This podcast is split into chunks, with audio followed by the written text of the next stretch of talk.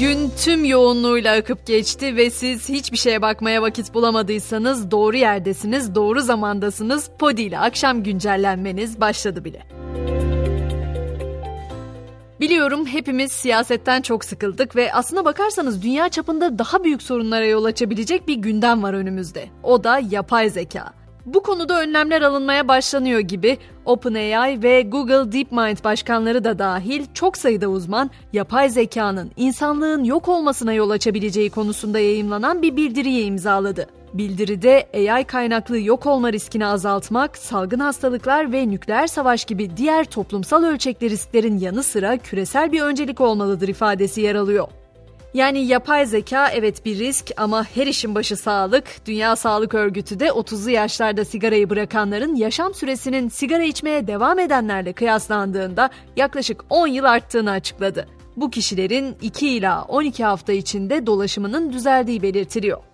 E peki Gizem iklim krizi yok mu o ne olacak derseniz onun etkileri de bu kez başkenti vurdu gibi duruyor.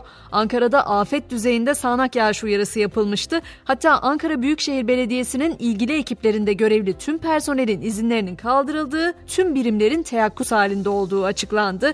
İşte o beklenen yağış etkili olmaya başladı, alt geçitleri su bastı, Türkiye Odalar ve Borsalar Birliği'nde de platform çöktü. Hazır Ankara'dayken ayağımızın tozuyla Yüksek Seçim Kurulu'nun milletvekili kesin sonuçlarını açıkladığını da aktarayım. Buna göre Cuma günü yemin töreni olacak. Meclisteki sandalye dağılımını merak edenler için de AK Parti'nin 268, CHP'nin 169, Yeşil Sol Parti'nin 61, MHP'nin 50, İyi Parti'nin 43, Yeniden Refah Partisi'nin 5 ve Türkiye İşçi Partisi'nin de 4 milletvekili çıkardığını söyleyebilirim. Gelelim açlık ve yoksulluk sınırına. Türk İş Mayıs ayında 4 kişilik bir ailenin açlık sınırını 10.362, yoksulluk sınırını 33.752 lira olarak hesapladı. Araştırmaya göre gıda sepetinde bu ayın zam şampiyonuysa %75 ile havuç oldu. Zam demişken günün zam haberlerini de hemen sıralayayım. IKEA ürünlerine mesela %10 ila 15 arasında zam yapıldı. Kedi köpek mamalarına da yaklaşık %30 oranında zam geldi. Peki seçimin ardından piyasalarda artan belirsizlik ortamıyla yükselişe geçen döviz kurları ne alemde derseniz dolar 20.42 lira seviyesine ulaşarak tarihi zirvesinin bir adım gerisinde seyrediyor. Euro da 22 barajını aşmış durumda. Gram altın 1282, çeyrek altın 2096 liraya çıktı. Şimdi bir başka veriden bahsedeceğim. Aydata verilerine göre Türkiye'nin Schengen vizesi başvurusunda ret oranı ambargo uygulanan Rusya'nın 5 katına çıktı. Schengen krizi tur şirketlerine de zarar vermeye başladı. Yurt dışı turlara olan talep artsa da Türk vatandaşlarının Schengen vizesi randevularında yaşadıkları sorunlar acenteleri zor durumda bırakıyor. Firmalar randevulardaki olumsuzluklar nedeniyle müşterilerine vizesiz ülkelere yapılan turları öneriyor.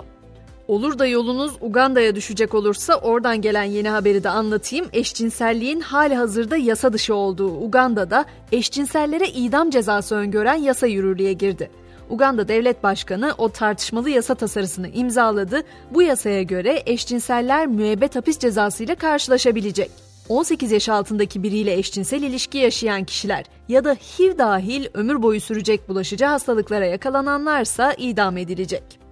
Bir ülke eşcinsellik için idama yeşil ışık yakarken bir başka ülkede de idam protesto edildi. İranlı model Maglaha Jaberi, İran'daki idamlara dikkat çekmek için Cannes Film Festivali kırmızı halısına boynunda idam ipi olan bir elbise giydi. Elbisenin etek kısmında ise idamları durdurun yazısı yer aldı. Yolculuğumuzda sonraki durağımız İngiltere olacak. Sinema ve televizyon dünyasındaki başarılı projeleri bir yana aslen tiyatro kökenli olan ve sahneleri de hiçbir zaman bırakmayan Benedict Cumberbatch ailesiyle birlikte memleketi İngiltere'de Londra'da yaşıyor ve burada tiyatro yapmaya devam ediyor. Ancak Cumberbatch'in Londra'daki evinin bahçesine girip bıçakla kapısına dayanan bir saldırgan yıldız oyuncu ve ailesine kabus dolu anlar yaşattı. Saldırgan olay yerinden kaçsa da geride bıraktığı DNA izleri sayesinde kısa sürede yakalandı. İngiltere dediğimizde kraliyeti anmadan da geçemiyoruz biliyorsunuz. Prens William'ın üniversite yıllarında gözlerden uzak kalabilmek için sahte isim kullandığı ortaya çıktı. William 2001'de İskoçya'daki St Andrews Üniversitesi'ne sanat tarihi öğrencisi olarak girdi. Daha sonra ana coğrafyaya çevirdi. William'ın tanınmamak için seçtiği sahte isim ise Steve'di. Ve yazar Stephen King favori dizisini sosyal medya uygulaması Twitter'da açıkladı. Korku ustası King kendi türünün dışına çıktı ve son bölümünün yayımlanmasının üzerinden 15 yıl geçen The Wire'ı daha iyisi yok diyerek paylaştı. Sporda da bu gece heyecan var. Süper Lig'de 2022-2023 sezonunun düğümü bu akşam çözülebilir. 36. haftanın tüm maçları bugün saat 20'de oynanacak. Ankara gücü deplasmanına çıkacak olan Galatasaray kazanması durumunda bitime 2 hafta kala şampiyonluğunu ilan edecek. Böylece bir güncellenin daha sonuna gelmiş oluyoruz ve günün mottosu Leonardo da Vinci'den. İnsanlar üçe ayrılır.